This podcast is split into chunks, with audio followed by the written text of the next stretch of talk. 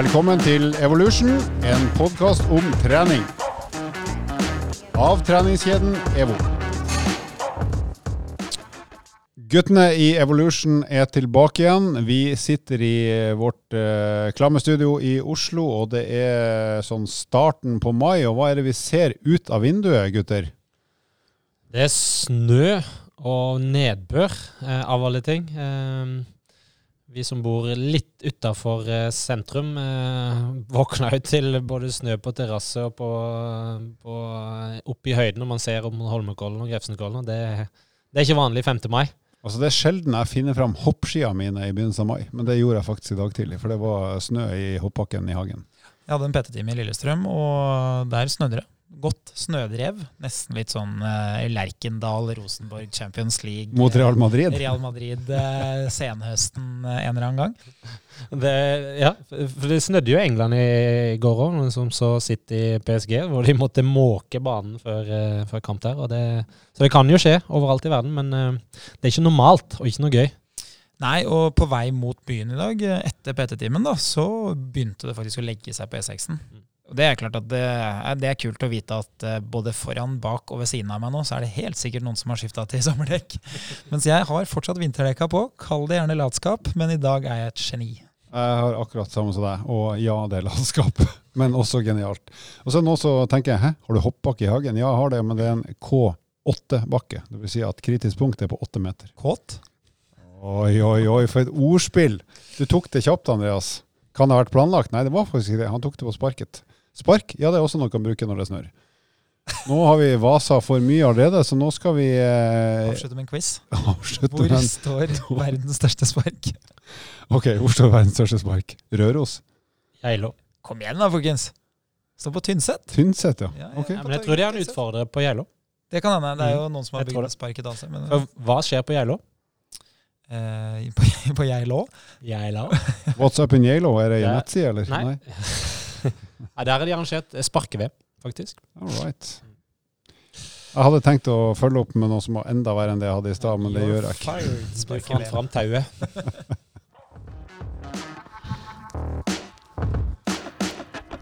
Hoppetauet. Hoppetauet, ja. Eh, vi skal snakke om en svært interessant og engasjerende dokumentarserie som har gått, eller går, på nrk.no og NRK TV. Den heter Eit feit liv, eller Et fett liv på bokmål.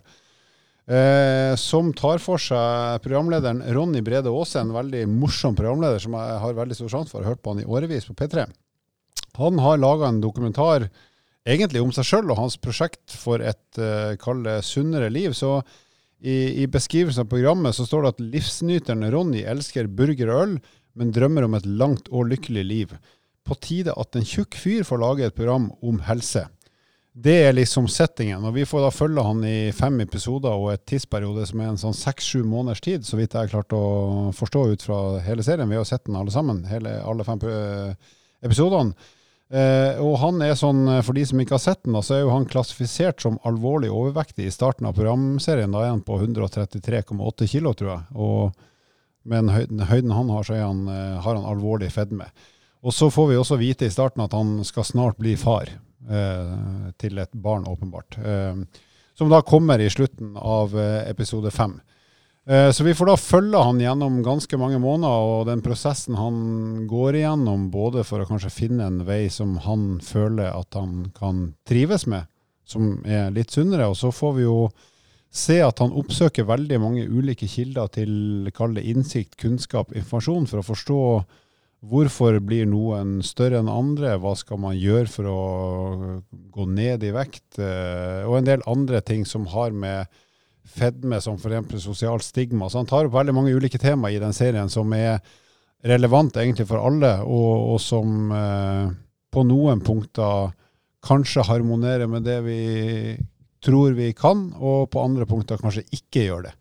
Så hvis vi begynner rundt bordet her nå med den raske og den eh, pene og meg som er stygg, hva syns dere, eller hva syns vi om serien? Vi har jo sett alle episodene. Vi har sett den ferdig. Uh, jeg syns det er veldig bra at uh, NRK vier tid til noe som angår fryktelig mange. og i veldig stor grad så er jo TV underholdning. Det er jo det her òg. men temaet er mye viktigere enn mye annen underholdning som går. Så jeg syns jo rammene er veldig fine, og det jeg liker veldig godt, da, det er jo at uh, man faktisk bruker et eksempel her som er reelt for veldig mange. Uh, det er jo ikke alle som er uh, altså overvekt med da, den høye alvorlighetsgraden, men veldig mange har de samme utfordringene gjennom at man har et helt vanlig liv hvor man kanskje inntar både alkohol, hamburger, man har lite aktivitet. Uh, og man har ikke de rammene som gjør at man er der man ønsker å være. Sånn at uh, det er på en måte veldig stor grad av relevans da, i den TV-serien. Og så syns jeg òg at de uh, til dels har vært veldig dyktige til å plukke fram gode kilder. så kan man jo diskutere hvorvidt det er en bredde i kildebruken, men de kildene som er brukt, er jo utelukkende dyktige på sitt nivå. og mange andre serier jeg har sett om, om lignende tema, har jo hatt helt annen kildebruk. Så, så, sånn sett så liker jeg serien veldig godt, selv om det er mange nyanser som eh, jeg gjerne kunne tenkt meg å, uh, å sett hadde vært satt sammen på en annen måte. da. Eh, ja, og det, jeg òg likte serien kjempegodt. Altså for det første byr jo Ronny virkelig på seg sjøl. Altså, han tar jo opp mye tabu. Han viser seg bar overkropp, hvor mange kanskje syns er ubehagelig. Han igjen oppsøker mange kilde, og der er jeg 100% enig med Andreas. Eh, bredden er nok litt snever. I hvert fall, man får ikke belyst eh, ordentlig, mener jeg, subjektivt eh, personlig, at uh, hva som faktisk funker. Det skal vi komme litt tilbake til òg. Um, og så er det òg viktig overfor media, som har veldig stor makt i dag i forhold til temaet med, med inaktivitet og overvekt. Uh, som veldig lett kan påvirke i negativ forstand, fordi det, det, det fremgår det, i denne episoden Jeg tror det var enten tre eller fire hvor du får se hvor mange oppslag som er kommet i VG, Dagbladet, Aftenposten osv. de siste ukene og siste månedene, hvor for oss, for hvert fall som jobber med trening og helse veldig tett på, eh, ser ut som en fryktelig enkel snarvei, eller mange snarveier til, eh, til et bedre og enklere liv. Jeg tror dessverre jeg er kilde i et av de oppslagene når jeg så på den episoden. men, eh, ja, det, men du har nok eh, ryggen din eh, dekka i forhold til hva du har sagt. og og det er liksom fint med denne serien her, og det er vel òg det Ronny har sagt i etterkant i sosiale medier eh, at eh, han får veldig mye god tilbakemelding fra folk som da syns dette har vært, eh, eller er vanskelig. Og så er det òg viktig i forhold til det siste året vi har vært inne i, for det er jo der dette er filma, i forhold til koronaen, i forhold til de tallene vi ser på inaktivitet, og hvor si, problematisk overvekt har vært, og ikke minst det med hjemmekontoret, at Norge er litt sånn nedstengt, så, eller har vært nedstengt. og og der han i siste episode, som vi skal komme tilbake til, viser at det kan òg ha et, en positiv eh, årsak eller til endring for veldig, veldig mange. Det er to ting som jeg gjerne vil ta med. da, og det, det ene er jo den ærligheten som blir vist. altså At man, man viser fram de tingene som faktisk er uh, svart på hvitt uh, gjennom forskning. da. Uh, og det er jo noe man har diskutert seg grønn på tidligere, f.eks. det med, med trening og kosthold der man ser at uh, i seg selv så, så finnes det veldig lite uh, evidens eller bevis for at uh, trening i seg selv kan bidra til vektreduksjon. Og det, det, det, må man bare akseptere. altså Uavhengig av om vi jobber med trening og, og driver en treningskjede, så sånn er det. Det finnes utrolig mange gode effekter av trening, og det finnes mange langtidseffekter som man ønsker gjennom å trene. Derfor bør man inkludere trening når man skal ned i vekt. Men i seg selv å prøve å trene seg ned i vekt, det vil for de fleste bli en utrolig stor oppgave. Mm. Så Derfor er det mye lettere å angripe kostholdet. ikke sant? Kutt, og da snakker du om trening alene som eneste virkemiddel. Ikke sant? Men kombinasjonen er jo uslåelig. Så det er jo noe som jeg liker at er med i den serien veldig, veldig sånn tydelig. Uh, og så er det jo da uh, det med slanking på kort tid. Og for meg, som har da stor kunnskap om hva som kreves for å gå ned i vekt, så er jo det noe som i seg selv er nesten umulig. ikke sant? Fordi hvis du kutter ned på antallet dager, så blir det så stort underskudd du skal skape, at man går utover hvileforbrenninga, og så må man begynne å inkludere masse aktivitet for å gå ned i vekt. Så det syns jeg er veldig fint at man belyser, at det å gå ned 20 kg på si et halvt år, da, det er en ekstrem oppgave. Mm. Og, og, der er jo egentlig eh, Ronny, da, som han heter, veldig fin når han sier at Men da måtte jeg ha satt bort hele livet mitt. Ja, trolig så måtte det blitt nummer én fokus i ditt liv i det halve året. Så Derfor så er det ikke gjennomførbart for de fleste. Uh, og så har man jo det som de òg belyser, og det er jo farene uh, og de negative helseeffektene ved å være overvektig over lang tid. For det syns jeg ikke alltid at kommer like godt frem. Uh, man vet på en måte at de fins, men det blir litt som forsikring. altså vi kjøper jo reiseforsikring, vi kjøper innboforsikring, vi har forsikring på bilen. Veldig mange bruker det aldri, men alle har det. Men forsikringen mot sykdommer, som du får gjennom å være aktiv Eh, regelmessig, og at du har en, eh, en vekt som ikke er altfor høy, den forsikringa den skal vi ikke ha. Men den vet vi jo at veldig mange er nødt til å bruke på et eller annet tidspunkt. Mm. Så med det sagt så er det en ting jeg ønsker å, å, å begrunne da, veldig godt. Det er jo at, at, vi tre sitter og prater om det, kan bli litt sånn tosidig. ikke sant? Ja, men vi alle trener, vi alle på en måte har en kroppsvekt som, som er regelmessig uh, på plass der vi ønsker at den skal være. Men vi har også utrolig mye erfaring med de som går ned i vekt. Både de som ikke lykkes, men òg de som lykkes. Sånn at det at vi skal prate om det, gjør jo at vi òg har en større innsikt i hva som forventes, og hva som kreves for å oppnå det. Eh, så det kan høres litt sånn rart ut at eh, det er lett for oss å prate om det, men i utgangspunktet så er vi nok ganske godt rusta til å komme med gode faglige begrunnelser. Mm. Og så eh, vil jeg slå et slag for det han innleder med, og det er jo oppstarten, og der han engasjerer vennene sine, og ikke minst eh, Tuva, var det vel, som var samboer. Samboer, ja. Um, for å få dems personlige mening. Hvor er jeg, og hva syns dere? Og hva, hva, kan vi på en måte få til sammen? Fordi de engasjeres jo i det fordi de er bekymra for Han satt litt på spissen. Det er jo litt sånn humor rundt det, for det, han lever jo en uh, i et uh, fellesskap hvor humor er veldig til stede, og det spiller han jo på sjøl òg, noe jeg syns er veldig viktig òg i en sånn prosess.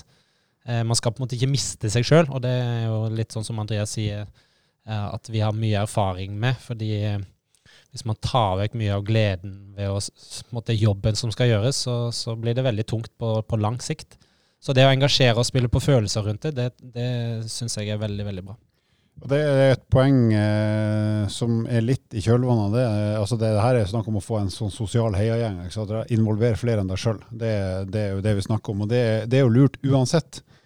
Enten du skal holde vekt eller gå litt ned i vekt eller gå mye ned i vekt, så er det jo lurt å engasjere flere enn bare deg sjøl. Sånn at de rundt deg som du omgås mye med, er klar over det kan hjelpe deg istedenfor å motarbeide dem. Og så er det jo en annen ting i den samme gjengen der, det er jo at mange av de uttrykker jo frykt for at, at, de ikke skal kunne ha han Ronny som en god venn og samboer i mange år. At de tenker at kanskje om sju-åtte år, Ronny, så er du i en sånn forfatning at da, da kan ikke vi ha det gøy sånn som vi har det nå, for du er rett og slett ikke i form til å, å, å være så artig og trivelig som du er akkurat nå. Og det syns jeg er verdt å ta med seg, ikke for å skape dårlig samvittighet, for å være litt tyngre enn det man eh, helsemessig kanskje burde vært, men rett og slett det her med å Uh, tenk at de som er rundt deg, og som både skal hjelpe deg når det går bra og dårlig, de har sannsynligvis lyst til at uh, du og vi og alle skal kunne ha det ålreit som mennesker i mange år. Altså at, at, at man tar vare på seg sjøl, men også muligheten for at andre kan få være sammen med deg på en hyggelig, ålreit måte, hva nå enn det måtte være for folk, i så mange år som mulig. Det tror jeg, sånn som mot Tuva, spesielt av samboeren, oppfatta som at hun er litt, eh, litt bekymra for at han at hun ikke skal kunne ha, det, ha, et hyggelig og langt liv med han, fordi at han kanskje kommer til å være i så dårlig form etter hvert at det ikke er mulig. At han blir mer en pleietrengende samboer enn en uh, samboer som det, er, som det, er, artig og hyggelig å være sammen med. Og ikke minst pappa. Og pappa, ja. Uh, innledningsvis, da, før vi på en måte går eh, videre, her, så er det jo én ting jeg vil si, og det starter jeg egentlig ganske tidlig med i nesten alle eh, kostholdssamtaler jeg har hatt med de som skal ned i vekt. Og det er at eh, en ting vi må avklare med en gang, det er at det å gå ned i vekt, altså fra nåværende vekt og ned i vekt, det er det man har hørt før om et mattestykke. Og Det ser man nå i den serien her gjennom besøket hos ernæringsfysiologen. ikke sant? Uh, uavhengig av hva du føler hvor du kommer fra, hvem du er, så er det fortsatt et mattestykke som må gå opp. Og hvis man tar fra mennesker mat, låser de inne i et rom, så går de ned i vekt. Det, det skjer. Det fins noen ytterst få unntak hvor man har sykdommer som, eh, som gjør at ikke det foregår på helt lik linje med alle andre. Men summa summarum, alle mennesker går ned i vekt hvis de ikke får mat. Så det må man aldri betvile.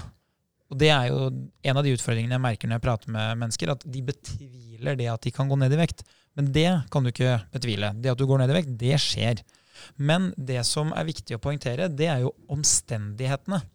Og det er litt sånn tilbake til oppsummeringa i, i, den ene episoden på slutten der, hvor man bruker alle faktorene som påvirker overvekt.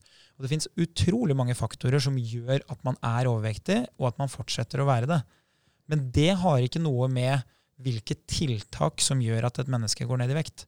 Men det er ikke alltid like lett å forstå at det psykologiske, altså det psykososiale, og selve det fysiologiske, det har egentlig ikke så mye med hverandre å gjøre. Det er handlingene du gjør, som fører til det som er resultatet.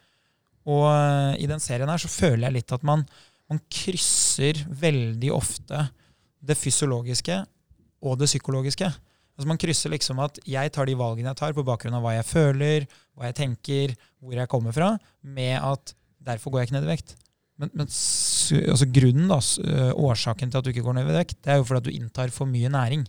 Så de to tingene må man holde hver for seg. Jeg sier jo ikke at det blir noe lettere fordi man vet det, men det blir i hvert fall lettere for den lille andelen som tror at de to tingene Eh, er samme ting. Ja, så det er, en, det er, en, erkjennelse man må på en måte det, Hvis man ikke har den erkjennelsen, uansett om man liker det ikke, så, så blir det vanskelig å, å, få til noe som helst. For da er på en måte grunnlaget for at det skal skje en vektreduksjon, er borte. For at du rett og slett ikke godtar premisset. Ja, og da kommer vi til det som er kjernen i hele serien, og som jeg føler at uh, Det som er synd med serien, det er at de som jeg prater med, de sitter igjen med Eh, en påstand, og det er hvis du har hatt en høy kroppsvekt før, så vil kroppen alltid ønske seg tilbake dit. Og sannheten er at alle kropper ønsker seg mot høyere vekt. For mennesket har over så lang tid hatt for lite næring at vi jakter på mat for å skape et overskudd i frykt for dårligere tider. Så alle mennesker har egentlig det i seg at de ønsker seg mer mat. Noen i større grad, noen i mindre grad. Og ja, det er vanskeligere for de som har vært høy i vekt tidligere, å opprettholde eller gå ned i vekt. Og ja, det er lettere å falle tilbake. Men det som bør være årsaken til å se serien, og det du får med deg, det er bevisstheten. Og det er ofte en erfaring jeg har, at mange av de som lykkes med vektreduksjon, de har gått fra å være ubevisst til å være bevisst. De forstår hvilke spilleregler og parametere som uh, gjelder for vektreduksjon. Og uh, en av de tingene, en av de påstandene jeg hører ofte, er det må jo gå an å leve uten å måtte drive og bekymre seg for hva man veier. Mm. Ja, det skulle jeg også virkelig ønske at det gikk an. Men problemet er at et bekymringsløst liv, hvor man ikke er bevisst på de tingene, viser i fryktelig mange tilfeller at man blir tyngre og tyngre. Og det er jo det som er vanskelig. ikke sant? At Hvis du sier at du i dag veier si i det tilfellet her da, 133 kilo, så kan det jo godt hende at du veide 127 kilo for fire måneder siden. Det er en trend som er enda mer urovekkende enn vekta di i dag. Mens hvis du har veid 133 kilo i ti år, så er jo det mye mindre urovekkende. For det betyr at da spiser du akkurat like mye som du bruker. Så en bevissthet rundt det, den er ganske viktig å ha. Og en av de tingene som jeg har sagt til mange når jeg har prata om den serien, er hva tenker du når du ser på luksusfellen, når man har bytta ut kaloriene med penger? ja, da er man langt mer dømmende, mye mer tøff. Ja, men du må ta konsekvensen av det, du må følge med på bankkontoen din. Altså Hvis du ikke har penger, så kan du ikke sitte og bruke mastercardet, som de faktisk brukte som et uh, bilde Ronny brukte det sjøl, ja. Og det syns jeg er en god bevissthet. Du skal ikke veie deg fordi at du skal få et sykelig forhold til hva du veier, men du skal gjøre det fordi at du skal kontrollere at ok, det jeg har gjort nå de siste si, ti ukene, de siste tre månedene, det funker. Og, det, og, der I siste episode så konkluderer Ronny med at han vil veie seg før jul og før sommeren. Uh, som for så vidt er en plan, men da vil jeg tenke at det er bedre for deg, Ronny, å veie deg oftere enn én en gang i halvåret. Uh, hvis du skal ha kontroll, i hvert fall oversikten, og være bevisst, uten at det skal bli noe sykelig, så ville jeg tenkt at minst én gang i måneden er fornuftig å bare sjekke at vekta er røftlig der du sjøl ønsker at den skal være, uh, hva nå det måtte vært, og kanskje til og med annenhver uke. Bare for å ha den bevisstheten og hele tida skjerpe seg sjøl litt, men i positiv forstand. Ikke sykeliggjøre seg sjøl. Ja, og det, og det er jo Der det provoserer litt. altså Innledningsvis så leter jo han etter, etter, svar som gjør at han kan fortsette å leve som han gjør. eh, noe han for så vidt ikke gjør i, i mange tilfeller. Og så er det eh, påstanden om eh, at han ikke eier på en måte det målet, for det gjør han for så vidt ikke i forhold til det Andreas sier. Altså Det er ikke den bevisstgjøringen rundt det, fordi han bare leter etter svar som, som han egentlig ikke vil få svar på. Eh, hvis det var, ga mening, men det Ja, ja hvis, hvis jeg skal tolke, men nå, det her blir fri tolkning, så det, det, det tar jeg høyde for at det er feil. Men min oppfatning, i hvert fall i starten av denne serien, er at han oppsøker veldig mange eksperter som er flinke på sine felt. Eh, og så blir han veldig fornøyd med de som sier at det her er sannsynligvis noe som det er vanskelig å gjøre noe med. Eh, at du i liten grad eh, kan påvirke deg sjøl, for det er så komplekse faktorer som gjør at, at eh, ting har blitt som det er blitt. Og så blir han ikke så happy når han treffer f.eks. Harald Eia, som er veldig statistisk og tallmessig i forhold til eh, hvis du gjør sånn, så skjer det. Altså Hvis du spiser for mye over tid, så kommer du til å gå opp i vekt. Hvis du beveger deg mer og spiser mindre, så kommer du til å gå ned i vekt. Og hvis du fortsetter å øke i vekt, så kommer du sannsynligvis til å dø i dårlig form og yngre enn hvis du ikke gjør det. Sånn at jeg, Min opplevelse er at han er litt på jakt etter den herre eh, ikke nødvendigvis unnskyldninger, men forklaringer på at uh, jeg kan fortsette å leve som jeg gjør, og det er i grunnen det beste jeg kan få til. Ergo uh, drikke x antall halvliter og spise eh, så og så mye potetgull og burgere som man syns er et supert liv. Uh, og det er jo ingenting som hindrer han fra å gjøre det, men samtidig så viser jo serien at det er jo ikke oppskrift på å verken holde vekt eller gå ned i vekt. Det er jo en ting som serien belyser, som ikke blir på en måte reflektert rundt, da, som jeg syns er veldig interessant. og det er Når det gjelder målsetninger, eh, som i det tilfellet her er faktisk det som brukes hyppigst da, ikke sant? I en vektreduksjon så er det jo eh, regelmessige målsetninger, enten langsiktige eller delmål eller kortsiktige målsetninger. Og da sier man det sånn at hen imot er en god målsetning. Jeg ønsker endring til det her. Det er, det er, til det jeg ønsker. Jeg ønsker å bli mer aktiv, jeg ønsker å spise eh, sunnere mat oftere, f.eks. Men man vil helst unngå å ha vekk ifra målsetninger. Så fokuset her blir veldig mye vekk ifra overvekt. Ja, slutte med. Ikke sant? Men Mm. problemet da, det er at når det gjelder livsstilsendringer, når det gjelder eh, store endringer eller målsetninger du skal nå, så er det sånn at hvis du skal nå de og klare å opprettholde det du har skapt, så må det være ditt eierskap og din økning i erfaring og kunnskap som på en måte tar deg videre.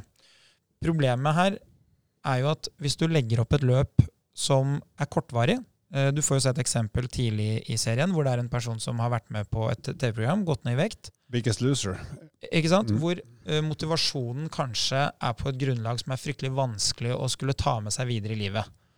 Mens hvis du ser på en del av de kundene som jeg har trent, som har gått ned i vekt, og som har holdt seg lave i vekt i mange år, så har det jo skjedd en spesiell ting med de. De har endra livsstil fordi de ønsker å gjøre noe annet med livsstilen sin enn det de har gjort. Det er ikke å gå ned 30 kg som er målsettinga. Det er å være mer fysisk aktiv for å kunne oppleve mer og for å kunne få bedre opplevelser både med andre og med seg selv. Og på veien så har de blitt forelska i de oppgavene som de gjør. De har brukt det å gå tur for å komme i form. De har begynt å like å gå tur. De har begynt å skjønne at oi, å gå toppturer på fjellet uten at det er helt uh, kvelende å gå oppoverbakke, det er faktisk en opplevelse jeg ønsker å ha med meg. Det å sykle to mil for å spise is på sommeren, det er noe jeg ønsker å fortsette med. Så når de kommer seg ned de 30 kiloene, som er på en måte det vi måler av hvordan fremdriften er, så har de lært veldig mye, og så har de begynt å endre livsstil fordi de liker oppgavene. Og problemet da med å snu det på hodet og si hva skal jeg kutte i livet mitt som jeg vil ha der, det er jo at du vil jo aldri komme fram til en stasjon hvor du sier at oi, det her var bra. Du vil jo for alltid tenke på det som du har tatt ut av livet, som du egentlig kunne tenkt deg hatt mer av. Så eh, en av de tingene som jeg syns er rarest her, da, det er jo at man ikke velger å forfølge det med målsetninger. Og se på hva er det du gjør i dag. Jo, basert på hvor mange steg du går, så ser vi at du er lite aktiv. Og så, basert på hva du spiser, så ser vi at du har en livsstil som gjør at du har mange dager i uka hvor mat er fokus. Fins det andre ting vi kan gjøre for å skape oppmerksomhet og motivasjon for en mer aktiv livsstil på sikt, som vil være veldig gunstig? Og Det sier jo også legen på slutten her, at uavhengig av hva det står på vekta, så har du skapt så mange gode, positive endringer for kroppen din at det er verdt det. Og det er jo noe man bør ta med seg, istedenfor å sitte igjen med Nei. Hvis jeg går ned i vekt nå, så vil det være stor sannsynlighet for at jeg ramler tilbake. For det sier statistikken.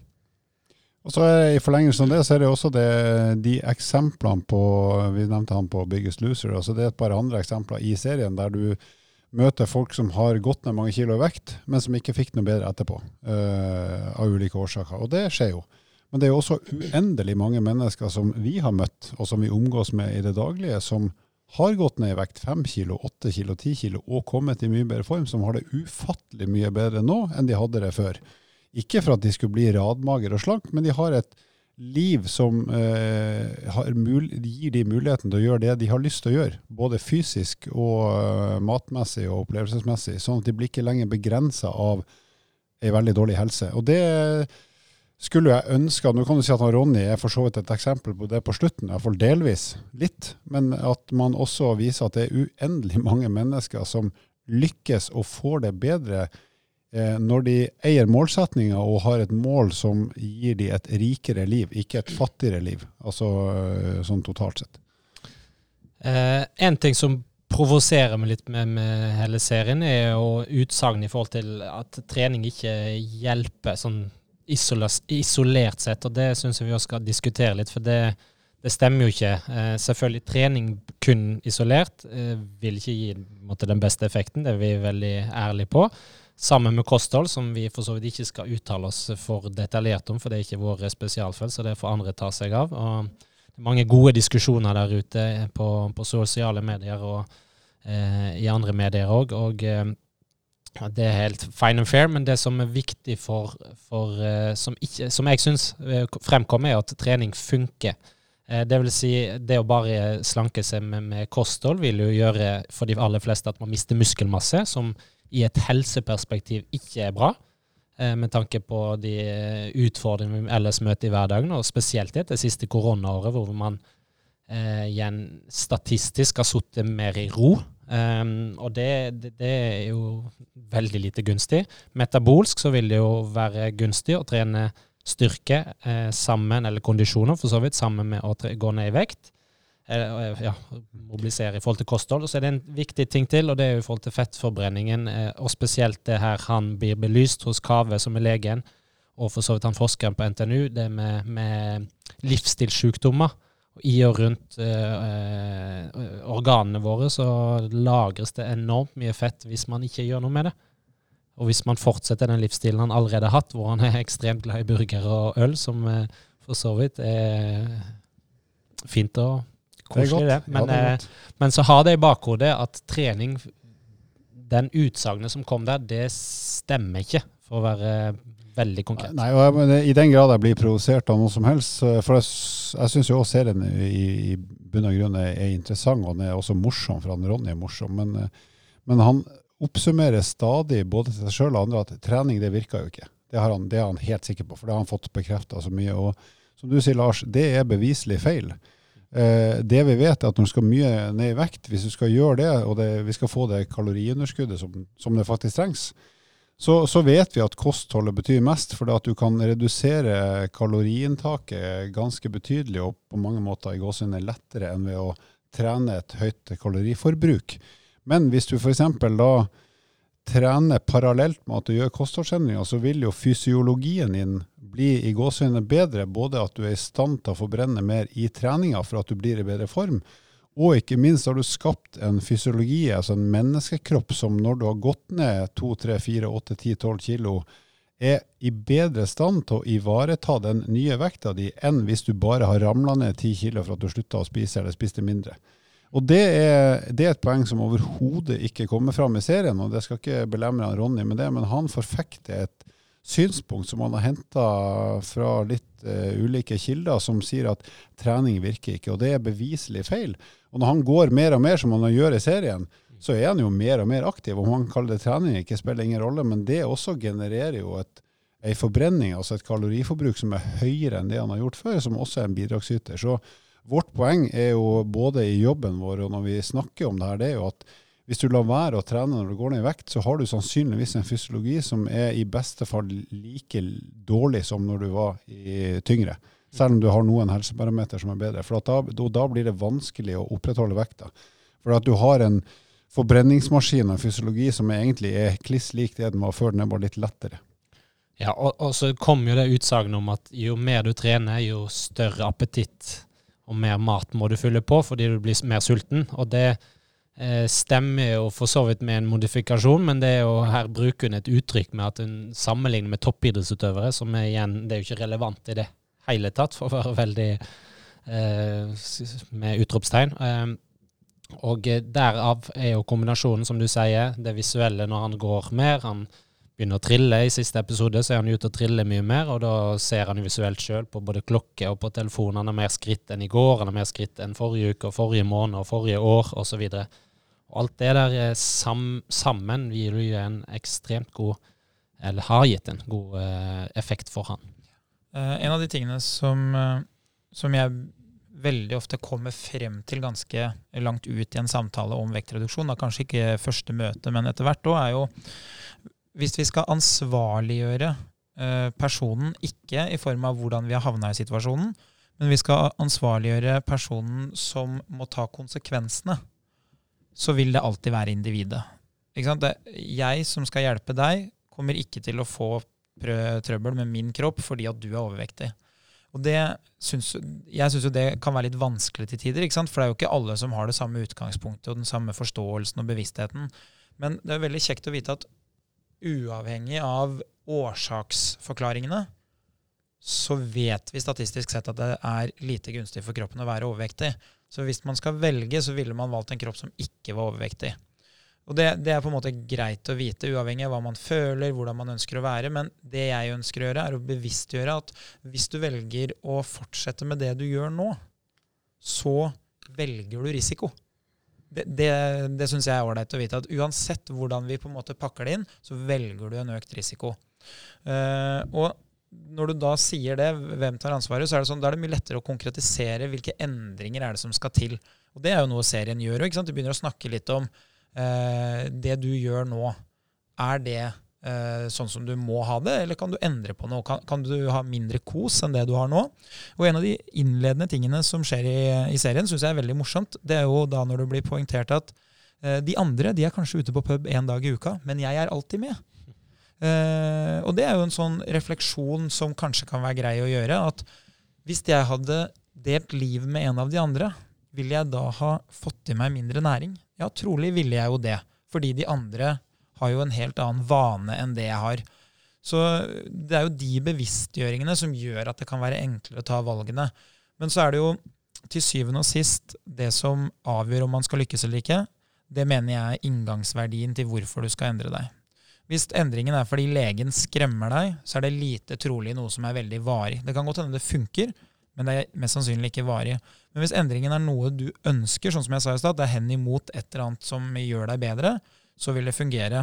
Og det som er litt trist, da, det er når serien avsluttes, så veies jo uh, han, eh, programlederen igjen, Ronny, uh, og veier da ti kilo mindre. Som i seg selv, utelukkende basert på vekta, vil være et bra resultat, fordi man er ikke lenger så overvektig som man var. Problemet er bare at tiltakene som har gjort at vekta har gått ned, er én, man har spist sunnere mat, to, man har vært mer i aktivitet, som er veldig bra. For det er ting som kan stå der for all fremtid. Men et av problemene er jo at kanskje hovedårsaken er jo at man har stengt ned restauranter, man har stengt ned ølservering. Som jeg syns kanskje gjenspeiler seg litt i reaksjonen når man får svaret av legen. Altså, du ser veldig tydelig at jeg eier jo ikke det resultatet her i like stor grad som jeg hadde gjort hvis det var mine egne tiltak som hadde ført meg dit. Og det er jo det som ofte er forskjellen på mange av de kundene jeg har trent, som har holdt seg lav i vekt. Det er at når de øh, går på vekta, da, si etter tre måneder hvis vi bruker det, så skjønner de at oi, det er de 100 dagene med innsats, det er den kunnskapen, erfaringa, det er de valgene jeg har gjort, som har ført meg hit. Det er ikke de ytre påvirkningene. Det er ikke at staten har stengt ned et eller annet som har gjort at jeg ikke får tilgang til det.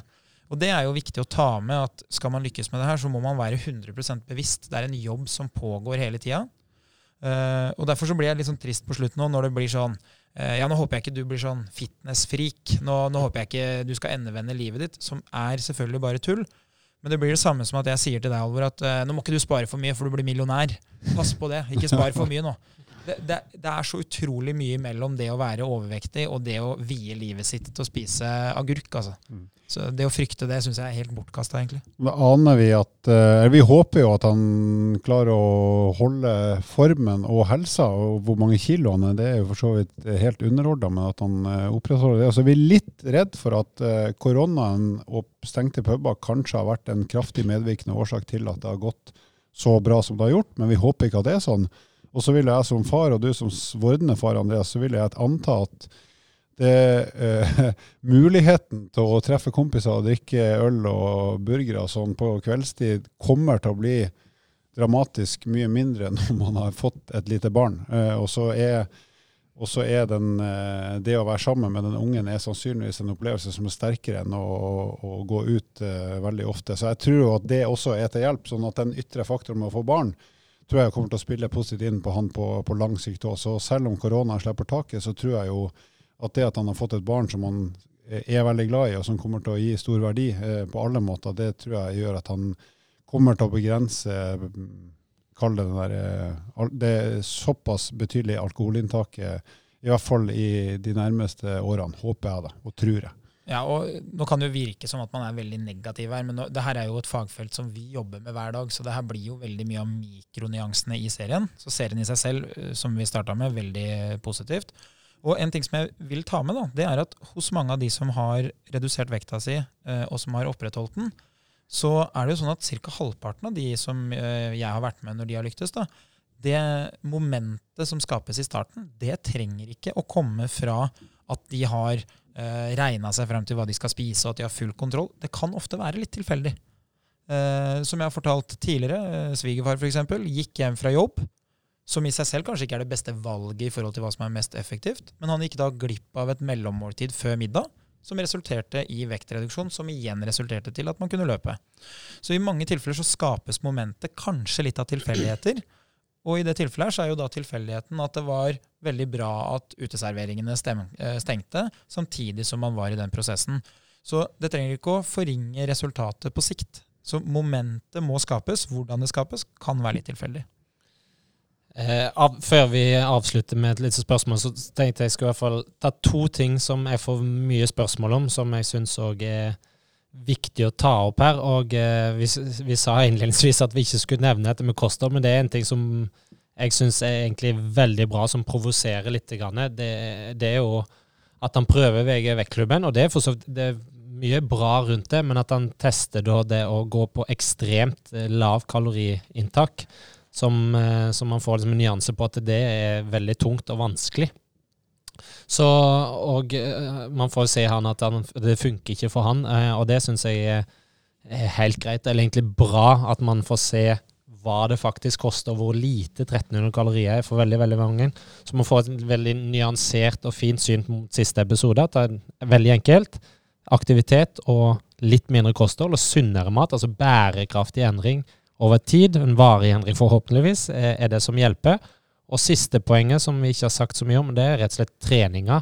Um, hvor han hadde noen økter sammen med vår gode venn eh, Tommy Lande, uh, som jeg syns òg kommer veldig bra frem. Uh, det jeg får spørsmålet er fra mange som er litt uh, uvitende, er jo at må man trene til man blir kvalm? Som man ble i siste episode av dette, er jo selvfølgelig klippet og limt litt, så, så det nok ser verre ut eller tøffere ut enn det faktisk kanskje er. Eh, det jeg syns er litt gøy eh, og kult, er jo at eh, trening kan være morsomt. Altså De ler og de har det bra, så jeg syns Tommy skaper en god stemning på den økta, selv om det er bevegelsesform som er i retning crossfit, som vi har omtalt tidligere, og som er variert, og ikke minst gøy. Og han skryter av det første, første episode, at han syns det faktisk var litt gøy. Overraskende morsomt. Ja, overraskende morsomt bruker han. Og det syns jeg folk skal ta med seg, at kombinasjonen her, at det kan være gøy å trene og bevege seg. Så velg heller da lystbetonte aktiviteter som du, som du vet funker. Og nei, du må ikke trene til at du blir kvalm. Men ja, du kan bli kvalm på de første øktene når du ikke har trent så mye før. Det er helt, helt naturlig, og det har jo vi òg blitt når vi ikke har trent på lang, lang tid. Og den, bare sånn, Ta den utregninga fra VGs vektklubb. Det var jo når han sjøl la inn vektmålet sitt på meget kort tid. Så det var ikke VGs vektklubb som sa at dette er en smart fremgangsmåte. Det var jo han sjøl som framprovoserte de 1300 kalorier i døgnet fordi at han skulle gå veldig fort ned i vekt. Så det, Ja. Så bare så det er sagt, så det var hans Det eget valg, det, så det ville aldri VGs vektklubb anbefalt, og ingen andre som kan om det her heller. Ja. Så min siste oppsummering, da, skal jeg følge opp han Lars, det er jo at i utgangspunktet så oppfatter jeg at han Ronny var ute etter å finne en løsning som ikke innebar mer bevegelse og ikke redusere kaloriinntaket. Mm. Dette er min oppfatning av hvordan jeg øh, ser han i serien. Men det som viste seg å fungere, var mer bevegelse, kall det trening eller hverdagsaktivitet, og redusert kaloriinntak. Og det er de to tingene som ethvert menneske som trenger å gå ned i vekt, sannsynligvis bør prøve først, før de prøver andre ting. For det er nesten utelukkende eh, med positivt resultat hvis man klarer å øke aktivitetsnivået litt og redusere kaloriinntaket litt uten at man skal leve et kjipt liv. Men å finne noen smarte løsninger på kosthold som gjør at du kan spise og hygge deg og spise god mat og nok mat, men, men begrense inntak av noen sånne kaloribomber som smeller inn ofte daglig uten at man vet det. Så med det sagt så eh, får vi nå en aldri så liten lyd.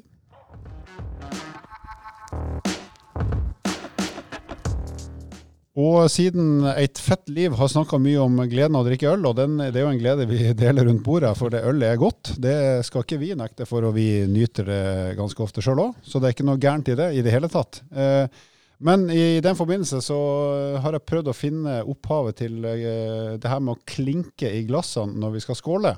For det gjør vi jo både når vi er berusa og før vi blir det, så er det ofte at vi dunker borti glasset. og det stammer visstnok fra vikingene. og Da var det sånn at ølhornene skulle klinkes så hardt at det skvatt litt øl over fra det ene kruset til det andre. og hvis man da, den mannen viste deg den tilliten, for det var da mannfolk som gjorde det i gamle gamle dager, så kunne du være sikker på at ølet ikke var forgifta. Med andre ord, det var trygt å drikke det. Så det er visstnok årsaken til at man eh, klinker i glasset. Så da, folkens, er det bare å skåle og nyte livet. Men eh, skal du kontrollere vekt og helse, så er det sannsynligvis lurt for de fleste å se på aktivitetsnivået, øke det litt, og se om det er noen justeringer som kan gjøres i kostholdet. For det funker stort sett for de aller fleste. Så det er dumt å ikke prøve det først, i hvert fall. Så det sier jeg. Først yta, så nyta. Yes. Vil du vite mer om trening? Abonner på podkasten og sjekk ut vårt treningsmagasin på evo.no.